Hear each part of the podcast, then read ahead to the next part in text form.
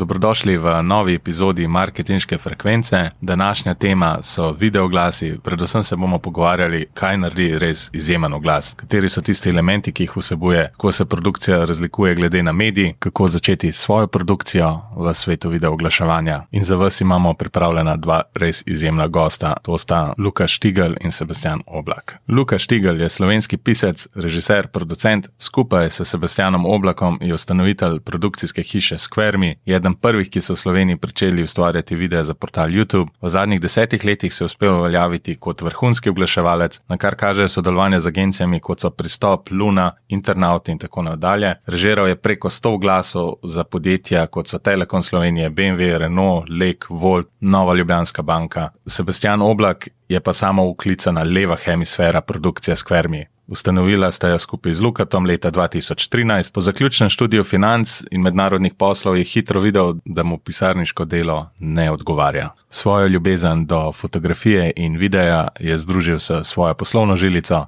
kar je prineslo nastanek produkcije. Skupaj z Lukatom danes ustvarjata oglase za večje marketinške agencije in podjetja v regiji. Uživajte v poslušanju. Dobrodošla, Luka Štigal in Sebastian Oblak. Danes se bomo pogovarjali o video glasih, res sta strokovnjaka na tem področju, ki se s tem ukvarjata že kar vrsto let. Posnela sta tudi nov film, kratki slovenski film, ki je prejel številne nagrade um, z naslovom 91. Drugače bi pa kar začel, Luka in Sebastian, kako se latevate za snove v glasa?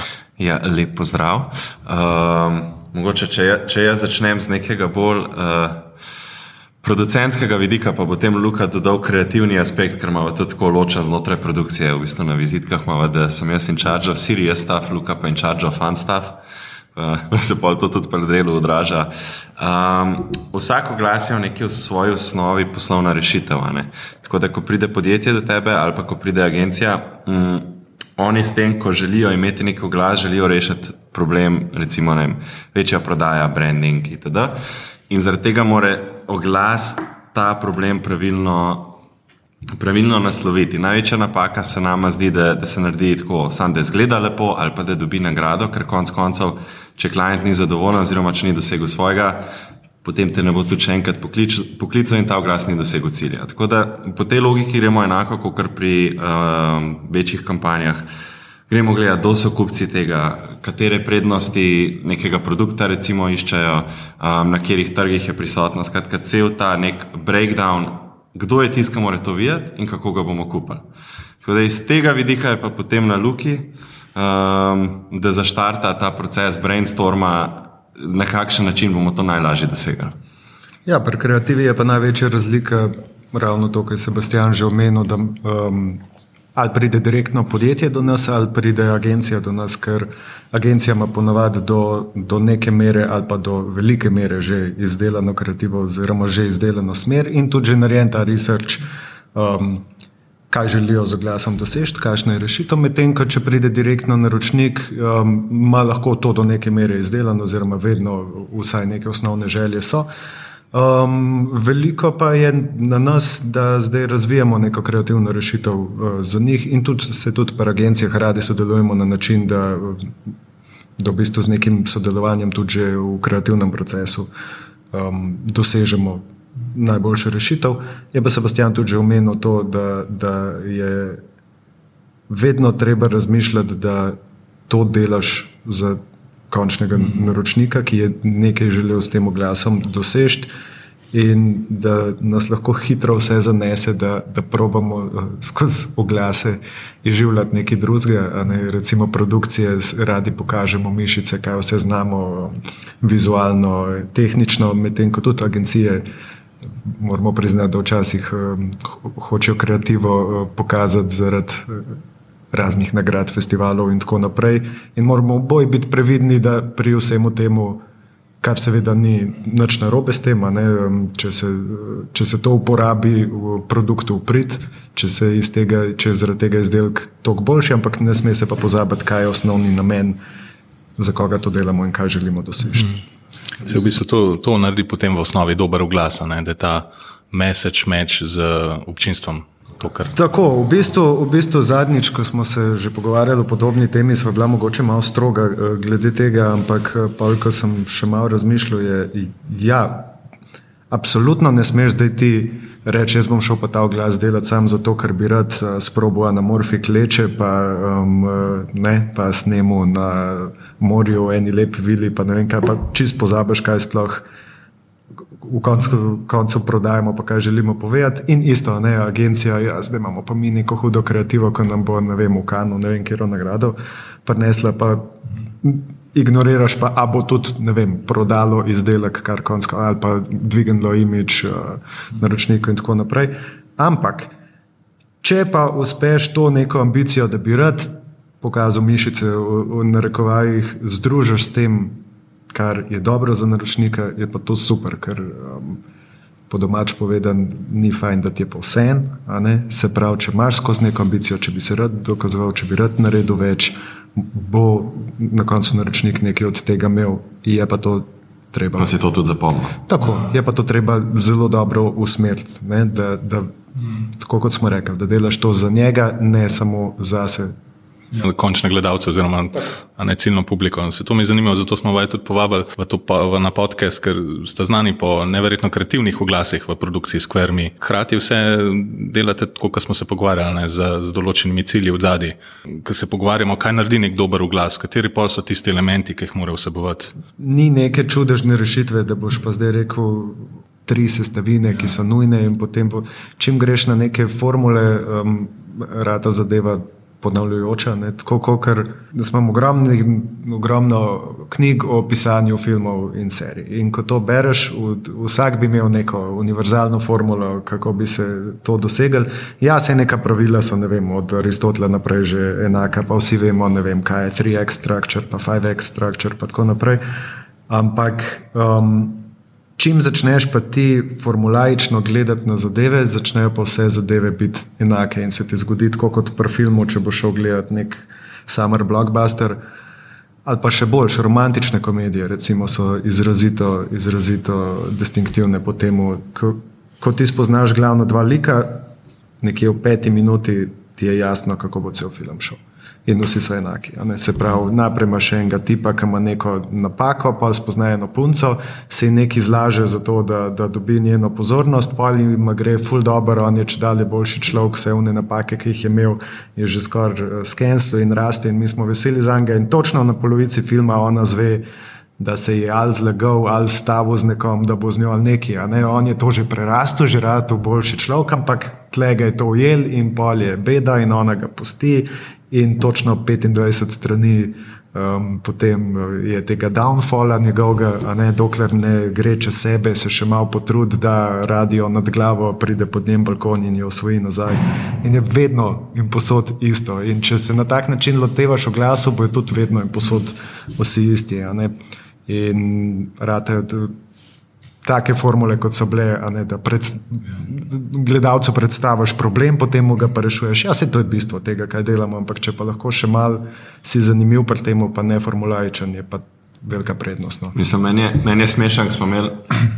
Imeli smo eno firmo, kjer smo uh, oglaševali tako po celem svetu študentom, in valjda smo tudi z Luko naredili ene oglase, tako ful visoko sproducirane, hude fore, ne vem kaj. In tako, Unok si ponosen, kul je, damo, plačamo full marketinga. Pa pa primerjaš nek navaden, full tako iz, mojega, iz moje percepcije, kot nekdo v produkciji čipo glas in primerjaš konveržne in vidiš, da je tako ta čipo glas v bistvu naredil full več, da bo full več ljudi, ki se je prijavil, uh, full več interesentov, napram temu visoko sproduciranemu in si tako. En pogled na to je, da je dober glas je un, ki smo ga ful lepo naredili, pa ful huda kreativa, ampak drug realen pogled je pa, da je dober glas je bil un drugi, ki je bil ful načip narejen, zaradi tega, ker je pač naredil prodajo. Ampak se mi pa zdi, meni je bilo, moje mnenje je, da meni so se vedno najboljši zdeli glasi, ker sem pač lahko občutil neke emocije. Da sem bil tako ali full happy, ali da sem mislil, da sem zjoka, sem bil pač neki, da sem občutil, mi je bilo the best. Uh, mi je pa tle še en, eno, en faktor, pol, ki ga pa Luka rad izpostavlja, se mi tudi zdi zelo pomemben. Na koncu moš pa vsem vedeti, zakaj pa za koga je bil ta oglas. Uh, Luka, ti rečeš, da je najslabši ti, hej, jaz vidim, no, zanč, koliko je dobro, ker to, to, to, to, za koga pa je, hej, nimam pojma, sam je ful dobro narejen.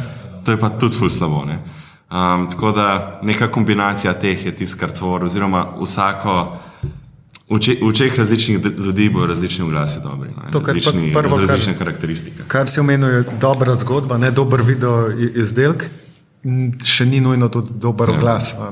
Lahko si ti super zgodbo in lep izdelek naredil, ampak oglas je pa dober, ko je tudi efektiven. In točno to se sebe že, že povzel. Če ti vidiš nek, wow, veš, koliko je bilo dobro, pa panda je bila v, rekl v reklami, v trgovini, pa je metala izdelke, pa polem pride, pa je eksplozija, pa veš, res kera huda fora, pa reče, a za kero štacuno, pa ne vem pojma, mogoče je bilo za zavarovalnico, ali bilo pa za avto, ne vem, sam spomnim se pande. Super. Ne, on bo cel live kazal to pando, ki je naredil, ker je dober oglas, ampak tisti, ki je pa plačal, pa naročil oglas, nima pa absolutno nič od tega, če mi trije zdaj le pojma nimamo, zakaj je to bilo. Ne. Je, je pa verjetno tudi. Um, to je mislim, zelo dober point, ker sam vidim, da ste v glasu na televiziji, pa je no, wow, kako kreativno in pa ravno pridem do tega, ja, um, da sem pozabil, kaj se je sploh oglašval. Ampak je sploh težko meriti um, neke KPI-je oziroma pač, kaj so tisti elementi uspešnosti, bi rekel, ki merijo. Večina gre verjetno nek, na televiziji in to, kar gledamo za nek brand image. Ne? Zdaj, tako je odvisno, kakšne vrste oglas je. Mi smo, le, mi smo konec koncev produkcija. Ne. Vse meritve in analize bodo večinoma izvajale um, agencije oziroma naročnik sam. Um, in je tako, um, odvisno dve vrsti oglasov. Imaš, imaš oglase, ki direktno nekaj tržijo, oziroma direktno prodajo produkt, pa imaš imič oglase. Jaz sem recimo leta in leta delal na PopTV, pa ti mogoče lažje dam primer za promoti za, za filme. Recimo. Imaš promo za film, ki narediš v četrtek ob 8. bo Home Alone 2. In je meritev sam, a boš folk prepričal, da bojo to četrtek ob 8. gledali, preveriš gledanost v četrtek ob 8. in veš, da ti je ratal. Drugo je pa, da lahko narediš pa nek brand, image spot ne, za Pop TV, ki pa Pop TV prikaže kot high production, največjo medijsko hišo v Sloveniji, ki ima najboljše filme, največ serij, najboljši news program, whatever. Tukaj je pa težje izmeriti, ali si ti svoj job dosegel ali ne. ne. Gledalec mora Pa reči, na dolgi rok je predvsem. Ja, gledalec mora reči, upis, da to je pa fajn. Ne, ne moreš pa tega zmeriti. In isto je pri oglasih potem, ja, če, ti, če je tvoj point, da je v ta vikend uh, piščanc uh, 4,99 na mest 5,99. Uletite, ne, lahko točno zmeraš, koliko piščancev si eh, prodal, in potem obstajajo neke meritve, glede na ne vem, koliko piščanca si na zadnje v akciji prodal, ker ni bilo glasa, zdaj pa je bil. In, tada, in ti je jasno, kaj, kaj si z oglasom naredil. Če pa ti delaš samo, uh, mi smo, imamo največjo ponudbo, pa smo kul, cool, pa smo najcenejši v Sloveniji, ali pa najbolj kvalitetni, ali pa vodevač, super, si naredil imič trgovini. Ampak je pa težje zmeriti. ne. Zdaj po Hofer ceni, recimo, ima dve verzije. ne, Ima eno, kjer se lada razmetava, pa je video spot, iz tega je težko zmeriti, kaj so s tem naredili. V unih krajših, ki ti pa on direkt avokado prodaja, pa verjetno lažje zmeriti. In to sta te ključni razliki, s katerimi se mi pa kot produkcija, um, nam reko, hvala Bogu, ampak manj se nam je treba s tem ukvarjati. um, do nas, do nas že nekdo pride z neko analizo, pa potem za naslednjič naredi analizo, je bilo fajn ali ne, da vemo. Mogoče bi bilo čist fajn, da, da Jaz sem to že večkrat imeli. vprašal, iskreno. Um, pa ponavadi dobimo, da še niso, da ali da ne morejo direktno videti, ali da še niso čezmerali. Tako da je zelo, zelo redko dobim nek črno na belem odgovor. Nam pa tudi pač ampak, ne smejo povedati, se čist Um, iskreno ampak je pa velikrat, tudi. mislim, zelo velikrat dobimo nazaj, um, da, da je bilo full odziva, da so bili dobri odzivi, um, lajki na Facebooku, gledi itd. Je pa res, da to nama ne pove direktno, če je pa spet dosega neko ja. višjo prodajo ali pa karkoli. Recimo, mi smo ful oglasov delali za proteine z Mikičem, ne. smo imeli ful dober respons na, na, na webu je tudi lažje, ne. na socialu je lažje, vidiš, koliko ljudi komentira, koliko ljudi mm. lajka, koliko ljudi šera. Pojma pa nimamo, ker nam noben ni povedal, a se pa njim za en procent prodaja zaradi tega.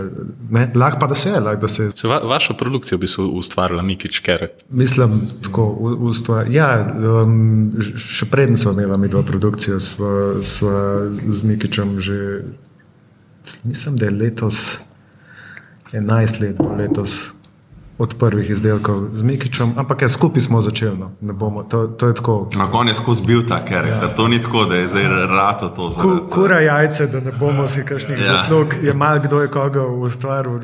Ja, jaz, jaz bom rekel, da smo medijsko mi njega, on bo pa rekel, da je, da je on pomagal nam, da, da, da smo štartali in ne. Spomnim se video fitness sistemi, Mikičevi fitness. Kako je bilo viralno, se mi zdelo takrat v Sloveniji na YouTubu. Smo, jaz sem bil takrat v fitnessu, zdaj malo manj, ampak pustimo to. uh, pač, ja, vsi so še rali posod, kamor sem šel, se govorili med mladimi o tem. In lih to bi še omenil, da so v bistvu začela glede ja, na YouTube. To je v bistvu taka zanimiva zgodba, kako. Mislim, da od danes vsi, več večina ustvarjalcev nekih vsebin je pač tako dela za internet, ne že Instagram, TikTok, to je vse za internet. Ampak v času, ko so pa mi dva začela, je, pa, je bil pa ta medij, oziroma manjše produkcije, ki so ustvarjale za ta medij, so bili na porastu, oziroma jih je bilo tudi zelo malo. In ta nek nine break, bom takrat rekel, v, v svetu glasov, kjer so dejansko lahko tudi kaj zaslužila, je bil, ko se večje starejše produkcije, ki se ukvarjajo pač s produkcijo velikih glasov, se enostavno nisem, niso imela interesa se s tem ukvarjati. To je bilo pač za njih čist premehno, budžeti jih niso zanimali, ker, ker je bilo nula ali pa dve premalo. Um, in tako je šlo nam, ne je bilo valjda, ja, da boste vi to naredili. In tudi um, mi in še par konkurenčnih produkcij, ki smo na podoben čas začeli, smo imeli to srečo, da je bilo takrat pač malo konkurence, oziroma tisto, kar smo smatrali kot konkurenca, nas niso niti poznali, niti oni nas niso imeli na mapi, ker pač za njih ta svet ni bil relevanten. Zdaj se pa niso počas... se sekirali, da mi ja, po internetu skačemo, dokler smo jim ja, so nam dejansko dali projekte, ne ravno nasprotno, ampak zdaj. Fast forward, kar nekaj let se pa malo spremenja, postaja pa web če dalje večji, hkrati pa vsi vejo, da so oglasi na TV-ju nek branding, ki ga pač recimo neka znamka, ki hoče imeti nek ogled, mora imeti. In velikrat se zgodi potem še kakšna razširitev iz spleta na TV ali, ali obratno, ne? in potem smo pa v bistvu zadnja leta tudi mi zelo upleteni v to, delamo zelo veliko TV oglasov. Zdaj pa verjetno ne bi bili več tako navdušeni, da so produkcije, ki, ki so danes v bistvu konkurenčna ponudba, da so nam počasih dajale neke projekte, iz katerih smo začeli. Ne? Ampak ko se pa i tako vedno obrne v bistvu kjerkoli industriji. Se, kako se pa razlikuje v, v glasi, recimo produkcija v glasu za televizijo? Za se ne, se to, se to je mm. najbolj smešno. Mislim, razlikuje Mislim, se. Dalje manj tako. Razlikuje se, se zato, ker si prisiljen v razliko. Prisiljen si pa v razliko, ker ti dajo manjši budžet za web. Vse ostalo je pa enako. In če bi, ti, če bi enostavno namenili enak budžet, bi bili izdelki identični. Ampak včasih je bilo. Zato zdaj govoriš bolj o teh YouTube adzih, prav, ker v bistvu je v glasu tudi, tako, če imaš 10 minut short uh, za enega trgovca. Um, začel se je tako, začel se je tako, da včasih je bil web ne, mislim, še zdaj neomejen, ampak zdaj vejo, zakaj ga omejiti, včasih ga niso. Ne? In včasih, če si recimo imel ti oglas za BMW na webu, pa na TV-ju, kako je to izgledalo. Na TV-ju je bil dolg 15 sekund, ker je oglasni prostor drag, medtem ko je na webu bil dolg 3 minute, ker boli jih, po domač povedan, ker niso bili z ničemer omejeni. In kaj se je potem zgodilo? Um, za teh 15 sekund na TV-ju je mogel biti to čim bolj premium, čim bolj čim boljš. Ne? In so dali ogromno enega keša za zelo kratek izdelek, in si ti lahko investiral ogromno v relativno malo mal dela, da, da, da se to naredi. Medtem ko za web so pa rekli, da okay, imamo pa trikrat manjši budžet, um, ampak. Posnet je bilo pa v realnosti treba trikrat več in si, in si bil dvojno omejen, se pravi, manjši budžet za, za več dela. Zdaj pa z leti in leti, ko se to spremenja, Prehajamo na to, da so oglasi na spletu praktično enaki, kar, kar se je zgodilo, je, da YouTube ne počasi ti bo za unih 15 sekund prirola računo isto kot televizija in si spet omejen, spet so, zdaj so pa oboje, je 15 sekundno ne, in počasi ni nobene logične razlage, da bi sploh bilo razlika, razlika med tem, kar tudi že. Um, oglaševanje na, na spletu je, mislim, zdaj smo vsi, takrat ni bilo še vseh ljudi na Facebooku, pa ne vem, ni vsak. Zdaj smo pa vsi, zdaj je več ljudi na netu, kot gleda televizijo. Ampak se to še vedno ni do konca spremenilo, še vedno ima televizija nek ta statusni, statusni simbol, da to je ta boljš, to je več, čeprav iz področja oglaševanja, mogoče čez butasto, ker če ti oglašuješ na. Odvisno je tudi od ciljne skupine. Ja, mislim, na, na TV-ju je tako. Ne? Na TV-ju najbolj usmerjen, kar si ti lahko je s tem, med katero oddajo se predvajaš. Zdaj, če ti hočeš dobiti ljudi, ki radi kuhajo, pa si ti med masterchefom, ne, do neke mere si jih, si jih zadev, ampak drugače pa ne vem, med filmom pa ti ne moreš zbirati, kdo bo. Med filmom bojo gledali tvoj glas vsi, ki gledajo un film. Medtem ko na YouTubu, na Facebooku, na Instagramu lahko ne, ti njim poveš, točno hočem samo ljudi, ki so med 13 in 25, ki imajo radi motorje, pa imajo ne vem, to, da ne plave oči, razumeš, kaj hočem reči, in jim lahko, ne vem, očala za motoriste, za, za svetle oči prodajaš, pa, pa si točno določil, koga hočeš imeti. In pa še točno razmeraš, kako prodajaš. Tako, bolj efektivno, bolj mežerable, vse. Sam imaš pa trg, ki je precej bolj zasičen, ker pa ja. še brendi, ki delajo isto čala po celem svetu, isto targetirajo tako, tvojega kupca. Tako, ampak načeloma ta razlika, ta razlika bi. Sklepam, da je slejko prej, bo, če, če dalje manjša. No. So te v glasu, v bistvu za večja podjetja. Vse v bistvu zdaj vsi delajo tako, da delajo oboje, ne? ker jih agencije pripričajo, da je pametno, da delajo oboje. Se pravi, ti imaš lahko, ti imaš lahko na TV-ju glas za BMW, za fotra, kako po BMW. Pomaž pa neke podcaste, na, na, ki se dogajajo v električnem avtu, na, na, na YouTubu, ki so pa namenjeni mladim, da jim bo to kul. Cool ki bojo šele čez sedem let tako stari, da bojo razmišljali, vem, mm. da bi si nekaj avto kupili, ampak ne, jih, si jih že malo kupil po domač povedan. Tako da se različno targetira, pametne firme delajo no, posod, ni da zdaj, mm. mi bomo pa samo na radiju, mi imamo pa sam na televiziji, mi imamo pa sam na Facebooku. Bolj so povsod, ampak točno vejo, koga ciljajo, kje pa na kakšen način. Se spomnim enega primera, recimo ena restauracija kitajske v Šiški, ki so vas budžet dali za uglase na pop TV-ju, zelo hitro so šli v bankrot. Prej ene pol leta so bili in pa jih, ko sem govoril z njihovim menedžerjem za to, no, jo, jo, ne bomo mi dali budžet na pop TV, bojo vsi videli. Ampak se to je pač pop TV pač po celi Sloveniji in tako naprej. Če njih v prime timeu 200 tisoč ljudi gledali, ne jih je bilo vem, 28 tisoč iz Ljubljana, ali pa tudi če jih je bilo 100 tisoč iz Ljubljana, jih je iz Šiške bilo koliko 15 tisoč. Ja. In da in se cifra manjša, ne plačal se pa za vseh 200 tisoč, da to vidijo. Dal... Vprašanje je, kakšen oglas so naredili, mogoče so pozabili naslov napisati. Ja. Mislim. To smo se zadnjič pogovarjali. Če bi dal pa na une um, City Lights, ki so na busu, uh, mislim, une um, digital skrine, pa bi dal na 7, 22, 1, pa 3, pa 8, ko vozijo s košiško. Pa bi sam to naredil pa dal desetkrat manj denarja, pa bi videl pa v Šiške na koncu. Njihov, njihov glas pa bi bilo efektivno. Ampak ne bi bilo pa tako premium, kot če daš to na TV. Ja. Ta, ta restauracija, če eh, poslušalce jih zanima, je bila nek, zdaj kaj hotel 166, tam not je bilo včasih. Ja, bilo tako, kadarko si prišel, je bilo več kuharjev kot gost. No, zato, sem sploh prišel do tega pogovora z njihovim menedžerjem, ki me res zanima. Naredilo glas, tako zraven McDonald'sa v Šiški, pa sem si tako, jaz bi mogel McDonald'sa v Šiški. Ampak ja, um, zdaj, prej mi je bilo zanimivo, Sebastian, ti si še omenil um, v glasi, da je materski, da se dejansko tako matersko izpade, matersko tak feeling, kad dobiš home, da je lahko tudi zelo efektivno, ne? da ni nujno, da je samo. Ja, ena, mislim, meni je fulj zanimiv, kakšen shift dela trg, kar se tega tiče, sploh za ta user-generated content. Ker se pač ljudje sami, ljudje sami snemajo in v bistvu pol brend uporablja to za reklamo um, je to pač fully poraslo, zaradi tega, ker zgleda bolj pristno. Ne? Ker se mi zdi, da malo ratuje, da če je firma, ki mogoče jo ne poznaš in ima tako full spoliran spot, tako je to res obstaja, je fake, tako. Dejansko je že na tu priti lahko neki. Ne?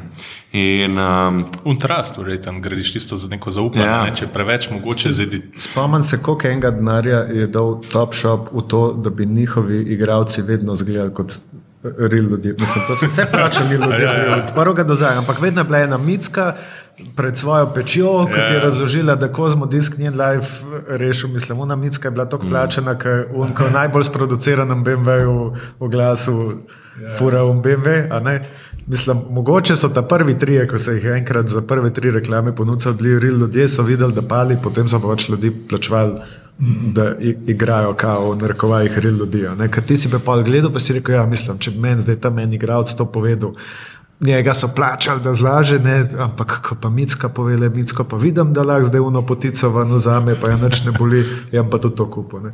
In je isto, tle pa ti nekim igravcem, pa agencijam, pa overproduce zadevam ne boš kao ne boš zaupal, ne? če pa je ti spremljaš enega influencerja, ki zato, ko igrice igra tako kot ti, ali pa zato, ko make-up tutoriale dela, ki tebe zanimajo, itd. in ga vsak dan spremljaš in misliš, da ga že poznaš in ta se ti pa res ne bo zlagal, ker ti si del njegove ekipe in ko on odpre unbox in reče, to je, so mi pa za ston poslali, pa je full fine, pa sploh nisem se z njimi nadzmenil, ti rečeš, jaz bi to. Ja, ja, ja. Okay, pa to tudi malo bolj priča temu, da content is king, ne? da če dalje bolj je res v spredju pol neka vsebina, kjer agencija mi dva v bistvu že od začetka trudva, da bi bila naša dodana vrednost, napram temu je posnet z eksplozijami pa objektivi za stovirijo. Um, Se to hkrati pa vi snemate tudi eh, nore reklame za pač velike firme, tudi za tuje naročnike naše. ne Vem, če bi izpostavili kakšen oglas ali pa kaj tasga, bi dal pol tudi. eh, Ma bi kaj, veš, kaj bi izpostavil? a boš povedal un tvoj one-liner, za kjer je tvoj najboljši izdelek? Ja, naj, najboljši izdelek mora biti vedno naslednji izdelek. Aha, Ko ok, nekaj ok, dobro, narediš, dobro. moraš iti Ja, ja. naprej. Na, Dobro. na Square Me, se pravi, square.me.si si lahko pogledaš. Bomo dali poslušalcem Kaj- link v vaš. Kar eh, smo že notes. naredili, Ja, ja. ampak refreshite za naslednjega, ker vedno mora, nasleden, nasleden mora biti on, ki, je- ki je najboljši. Mislim, se seveda ti to vedno ne rad, ampak to bi mogel biti cilj. Um, če na nekih starih lovorikah um, A pa je de, teže delati za tujce ali pa v klej slovenski prostor, za tuje naročnike, ali Veš, kako razlikuje? je? Za tu- tujci ponavadi, če delajo, tle imajo vedno enega predstavnika, kar je na koncu isto. ne. Se pravi, imajo lihtko agencijo, ki je slovenska agencija in ni velike razlike. Razlika je mogoče v tem, da je neko straho spoštovanje nekoga, vedno, ne nujno nas. Ne, lahko, nekje, če se nekdo v verigi med njimi pa nami vmes njih malo boji ali pa jih noče zgubiti, se zna to mm, kazati. Kreativi že mogoče malo. Težje se reče tudi ne. Težje se reče ne, pa zaklenjenje, ki je neki potrjen, kar je grozen. Se pravi, ko, ko, ne, če oni pošljajo 17krat v potrditev skript in ga v 18. naročnik potrdi, so oni pf, to super, a ne.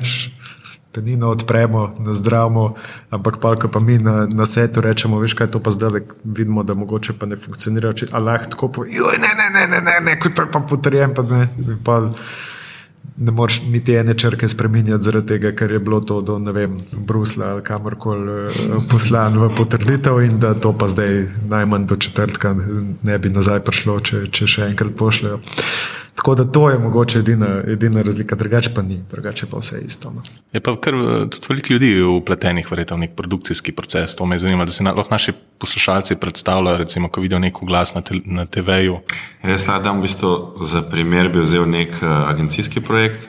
Um, Ponavadi je na agenciji vedno en, ki je predstavnik uh, akauntov oziroma rečemo temu organizacijskega dela in drugi, ki predstavlja kreativo.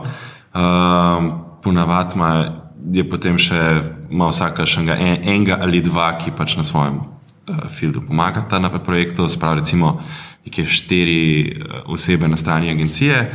Uh, Pri nas smo pa v predprodukciji, v bistvu prvi koraki so itak, da neke se ponudbe razdela, pa se tudi razdela neke osnove projekta, uh, kako bi sploh nekaj posneli, da lahko mi to realno ocenimo. ne.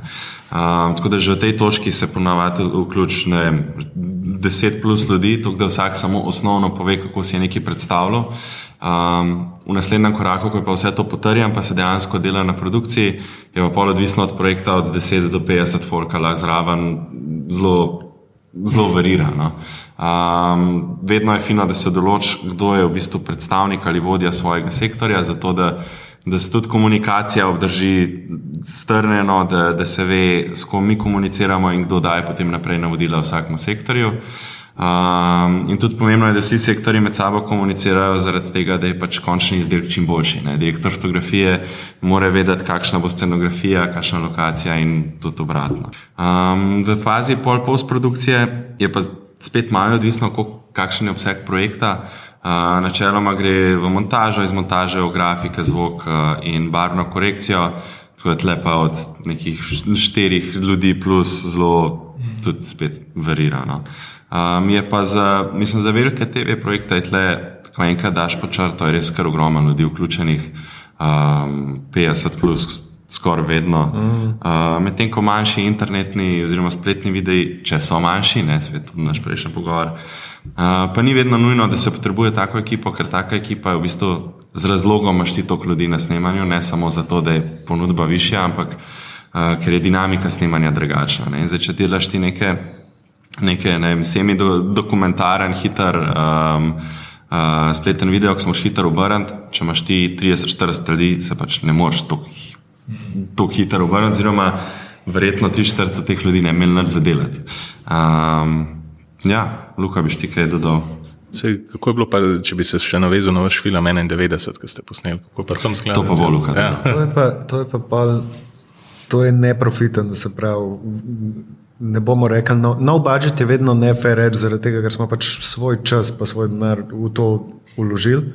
In je ta film, ne vem, res bi ga ocenil, da je 30, 40 ali pa 50 ur je vreden, ampak ni nas pa toliko stal, ker smo pač sami ta, ta denar in to delo v to vložili. To srečo imamo, da z ogromno ljudmi delamo že vrsto let v oglaševanju z enimi in istimi ker smo razvili nek dober odnos. In potem, ko nekaj tasga delamo, vsega, ko smo vprašali, če bi imel željo, je bil absolutno takoj za, čeprav smo jasno izpostavili, da tega z ničemer ne pogojujemo, da ni zdaj, če nam bo naš to pomagal, pa nam pa ne vem, v glasu snimali naslednji let. Vsi so bili. Malo so komi čakali, no. je tudi tak cajt bil, mogoče, da, da je vsem to malo manjkalo. Izpostavili smo tudi, da bo sred poletja, fulbo vroče, sred kamnoloma, tri dni zapored, cele noči, pa še rekreirati moramo leta 91. Pa so vsem ja. bili vsi tako, ja, to je best. Sam ja. E, je pa tukaj.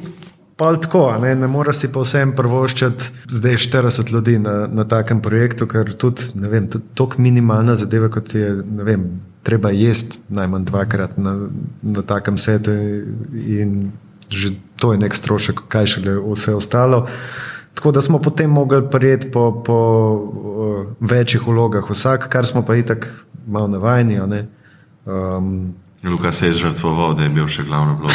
ja, ja, sem tle, to ja ni bilo planirano, to je na dan snemanja bil tako. Ponavadi ima največ vlog uh, Sanja, ki ne vem uh, od tega, da je AD, da je producent, da dela kakšne še art direktor vloge in tako naprej. Tu, tukaj absolutno to, ampak smo pa potem imeli še tako, da človek, ki je lučkar, slash gefer, slash. Um, Vse potem imamo snemalce, ki so bili še AC, ki so bili, ne, se pravi, vsak, vsi ti ljudje znajo povedati stvari. Na tem projektu smo bili pa prisiljeni v to, da sprobamo, če znamo vse te stvari naenkrat, uh, naenkrat delati. Ja, jaz sem pa pretiral do te mere, da sem Eh, napisal, igral. Boš še kaj v igralsko kariero potem. pa lej, um, jaz, meni je Mikič, če smo ga že prej omenjali, vedno rekel, pa ti bi to mogel, pa tebe ful veseli. Vse me ful veseli, ampak je, nikoli se nisem hotel na tak način pre, pre, preveč izpostavljati, oziroma, kako bi rekel, da ni, da sem zdaj vse to gradil, zato da bi sebe pušil v tej smeri naprej. Z veseljem se pa vsake tok, ne vem, vsako tretjo ali pa peto stvar, ki jo, ki jo delamo avtorsko, ki jo uštulam not, ker, ker ja, kar mi manjka, kar mi dejansko me, če si iskreno, me, me veseli. In tudi z Mikičem po ne vem, tolikih letih sva palti za, za proteine, sem takrat še jaz uskočil, da sva skupaj snemala. In tudi vem, da je njemu to, to klepam spomin ostal, ker je, je, je dobra energija. Mm. No, se, Drugače, če kdo hoče iskati iste rege po naših izdelkih, naj gre gledati statiste in stranske igralce. To je vse. Okay. ja, tudi sebe, tudi sebe smo, smo že ponudili. Ja. Čist na začetku, zdaj tega ne bo na našem peču, ampak uh, če, greš, če greš na YouTube, pa napišeš, kaj je Fatal Sounds. Uh mhm. -huh. Fatal Sounds. Čakaj, gremo v ropo Google. Gremo. Jaz bom, jaz bom dal vmes muziko. Fatal, ne, kill the Harlem Shake, Fatal Sounds. To je neka činela. Ja, čakaj, klejska. Mislim, mislim, da bi to muska. To je ta funky muzika. Evo, evo muzika, ta cajt, ko googlamo. Ja. Povej, koš najdu. A si najdu, kako se imenuje? Kill the Harlem Shake, Fatal Sounds. Kill the Harlem Shake, Fatal Sounds, pa ko želih zvoke spuščam. To To je to. Jaz sem bil zanimiv, ker recimo jaz sem začel kot statist, to so bile moje prva študentska dela in potem od, od takrat naprej sem vedno v glase drugač gledal. Ko, ker sebe, nisem kar tako gledaš nekak statiste v glasih, iščeš, ko si. pa sem se sprašval, vidva, kam imate toliko izkušenj z glasi produkcije. Verjetno niste, ko vidite v glase, tako je une vse elemente. V, v vsakem oglasu, po vsaki seriji, um, v, v bistvu so začele, v bistvu so začele biti taka, da zdaj opažava, da ne vem, gledava Lenina v park, recimo pa naprej, pa naprej statiste opazovali. Yeah. okay, ampak je tudi le disclaimer, v Sloveniji nas je zelo malo in posledično je tudi zelo malo pač igralcev in statistov in potem res je tako, eni in isti ljudje so v vseh ja. uh, spotih. Ja, veš, tako si tako vse pričakuješ, da vnotka vaca. Pa nekaj, pač kje si ja, ja, tako veš, kdo bo, ampak oni od zadaj, ki pa jejo za njim solato, dve mizi nazaj, si tako, olej, ta pa je zunga, olej, tega smo imeli pa tam, o, kva pa ta dela. V... To je bilo dobesedno 24 ur nazaj, ko sem gledal Lenino. To je res, ja sej. Se je šele 48 ur od zunaj. Ja, Če bi pa kakšen izmed naš, naših poslušalcev želel iti, um, začeti recimo s produkcijo, um, kaj bi svetoval? stvar. Prej smo se pogovarjali o YouTubu, zdaj tudi TikTok, pač nora, mm. nora platforma. Tako, kako bi, če bi zdaj uno zavrtel palčko, pšu, pa si spet začel? Jaz bi svetoval, da gre v ekonomijo ali pa prav.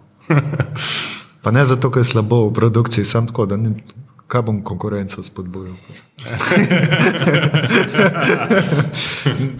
ne, to smo zadnjič govorili ja. ne, o, o tem, da ja, um, Zdaj je to ful lažje, okay, TikTok, um, YouTube, Facebook, whatever. Zdaj lahko kot en sam človek, kot one man band, štartaš um, kariero.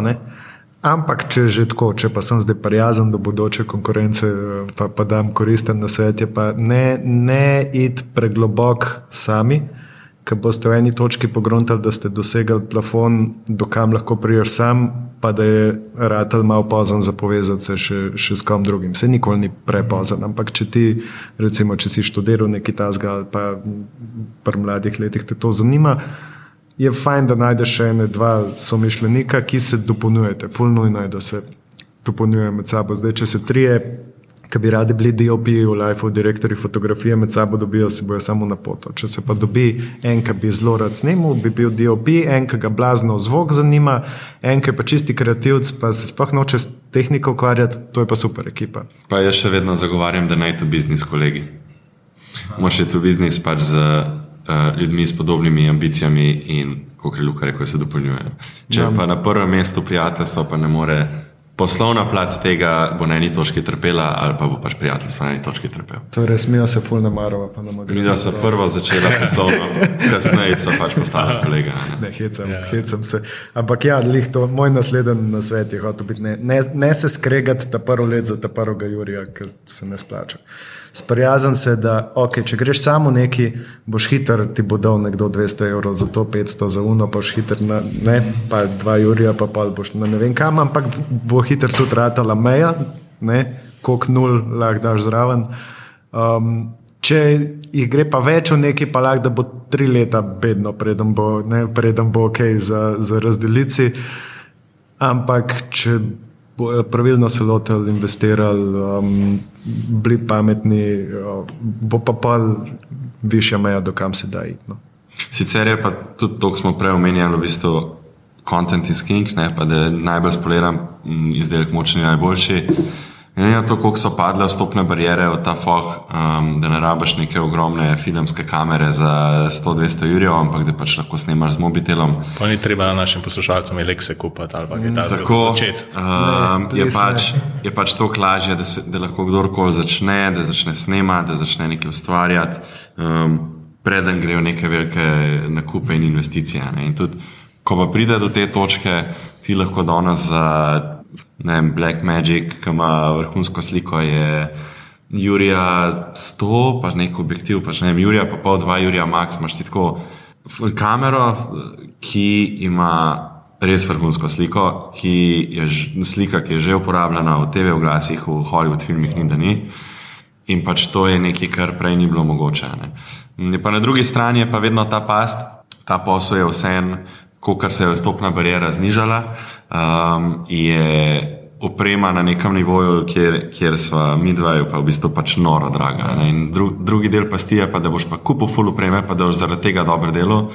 To pa garantiram, da ne deluje. Ne. Tako, um, kogarkoli poznam, da je šel po tej plati, ga je v bistvu prej minil, zaradi tega, ker je ugotovil, da ima vse, kar je mislil, da mu bo rešil problem, nekaj, ne, da ni, ni dovolj do vložil časa, kreative.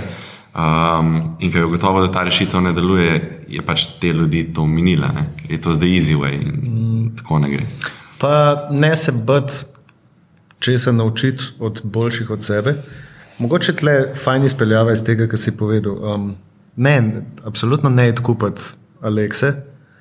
Um, probi pa ugotoviti, kako bi lahko najhitreje delal za Alekso, brez da si jo ti plačal. Kar pomeni, da imaš več opcij. Se pravi, ena opcija je, da se povezuješ z ljudmi, ki so že dal od tebe. Ne, imaš DOP, ki imajo svojo kamero, pa ga lahko za svoj projekt najameš, pa bo lahko, če mu plačeš podkoparšo, kot za kogarkoli drugega, svojo kamero, pa gledaj, kaj tam dela. Pa vprašaj, če lahko malo, se dotakneš, lahko, lahko da se boš smel, lahko da ne, lahko da boš sam gledal, pa se boš učil, pa boš spužva, pa boš znanje. eh, Ne.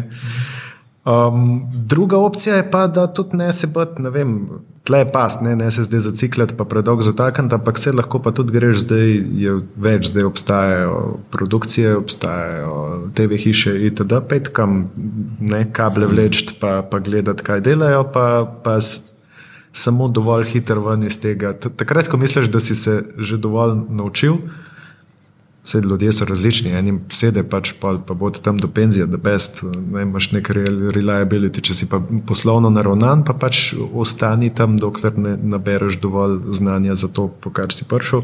To je to, kar se nekako nehaš učiti, ne, ni več Ja, tako, karata. spremembo. Tako, ne. tako. In to, ko sem rekel, um, vedno ne probati biti najbolj pameten. Mm. Evo bom Mikiča kvotu. Mikič, Mikič pravi, da je vedno najraš najbolj glup v sobi. Ta je dobra. Ne. In samo na ta način rasteš, pa se kaj naučiš. Če se ti na projektu obdaš, veš, če ti nekje dobiš nek, vse Slovenija, kako deluje Slovenija. Ne vem, vsak nekoga pozna, nek prvi projekt si že zrihtu, razumeš? Ne vem, če imaš fotra živga, pa fotor pozna mesarja. Pa rečeš, da je, kaj če mi za vas eno reklamo naredili, pa ti um za pol cene od kogarkoli drugega, pa on reče, ajde, pa si si prvi projekt zrihtu, zdaj pa ne vem, on ti bo dal dva urja pa pol za ta oglas, ne reči super, dva urja pa pol sem dal v žep, pa ga s telefonom posnet, ampak da je enemu DOP-ju, ko stane Jurija, pa pol reče, ja bi prišel za 700, ker lej, delam znač, pa bo prišel, pa ne vem, najdeš nekoga za zvok, da ne bo v kurcu, da ne bo se slabo slišal, itd. Investiraš nekaj v eno maskerko, da se navijo vsi svetel. Ne? To, kar si se naučil nekje drugje, ko si na nekem velikem setu gledal, kako se dela, vedno ti bodo ljudje prišli nasprot, bojo prišli, zaprav vseh, celih 2 ur 500, zaprav. Pa sam gledaj, kaj delajo, pa se, pa se uč od boljših od sebe, pa investiraj v to, da bo tvoj izdelek dober, pa pa s tem pridi do unga, ki ima pa avtomehanično delavnico, pa reče, kaj sem dobro naredil temu, unga prost, da se zlaže, da je bilo pet ur, da ni bilo dva pa pol, pa reče temu, evo, bom tudi teb za pet, ko pa, pa, pa res moram na sedem pa pol dvigati. In tako se začne, in, gremo Če, dalje. se, če bi pa kdo ful rad božal uh, naše Alekse pa rede na njem, pa piše na social media ali pa na work at square media. Lahko jih gledate, gledate. So vam imate kakšne odprte pozicije, kakšne production assistants? To se zmer lahko najde. Uh, don't be shy. Ja, če bo kakšen od študentov zanimal, da lahko. Mislim, vedno, vedno se da pridati, nabirati izkušnje. Zdaj um, odprte pozicije, da bi na veliko zaposlovali, mislim, da ni ne, logično tega zdaj, ja. ampak um, za, za pridati se naučiti, pa, z, pa vedno je. Ne. Tako da, absolutno. Jaz sem sam malo zahteven glede prijav, jih dobimo, ker se mi ful zdi, se je nek, nek tak ful kreativen posel in pol, če nekdo tako napiše en stavek, jaz bi prišel delati, whatever, tako nič oseb, nič kva, tako nič. Mislim, Mislim, če v Wordu napišeš hit. dva stavka, na katero gimnazijo si hodil, pa, da te, Word je že veliko, pa, daj, pa, Luka. pa da te zelo Toliko veseli je. to delati, to bo šlo pač uspem. No. Kaj pa video, CV, evo še to zadnje nek, nekako vprašanje, kako pa na to gledate, ker ste v tem poklicu, da bi se en posnel video. Pa CV? ja, seveda. Ja, best. Po, po, Um. pokaž kreativo. No. Mislim, tako je. Um, tehnično plat se da marsikoga naučiti, kreativna žilca pa do neke mere jo imaš, ali pa ne. Vse tudi to se da, seveda, naučiti. Ampak um, že to, da pokažeš nek, neko željo, da ne. Želja do učenja, ne, do Tako, rasti. Ja. pa do tega, da bi, da bi neki delo drugače, pa boljš. Um, v kjerem koli poklicu bo, bojo, bojo to cenili. Jaz sem prepričan, da ne vem, če bi za pozicijo um, asistenta računovodja, ko sem fascikle prenašal, če bi dobil 600 um, tiskanih ali pa Wordov, Wordovih filev, en bi pa poslal video esej. Najmanj, kar lahko garantiram, je, da bojo to pogledali. Mm, ja. Za razliko od mogoče od unih 600, kar še ga tudi ne. ne. Mislim, stand out. Mi, mi imamo sicer eh, že zadnjih par let, ko odpremo kakšno pozicijo za, za bolj redno delo, imamo tudi v sklopu procesa um, selekcioniranja prijav, imamo en segment, kjer je pač opcijsko, uh, da se lahko posnamejo za nek pač. Uh, Kad video si vik si omenil. Zdaj, uh, treba se malo bremzati, da res človeka ne džadžaš po tem, če ni naredil, ker je vseeno opcijsko.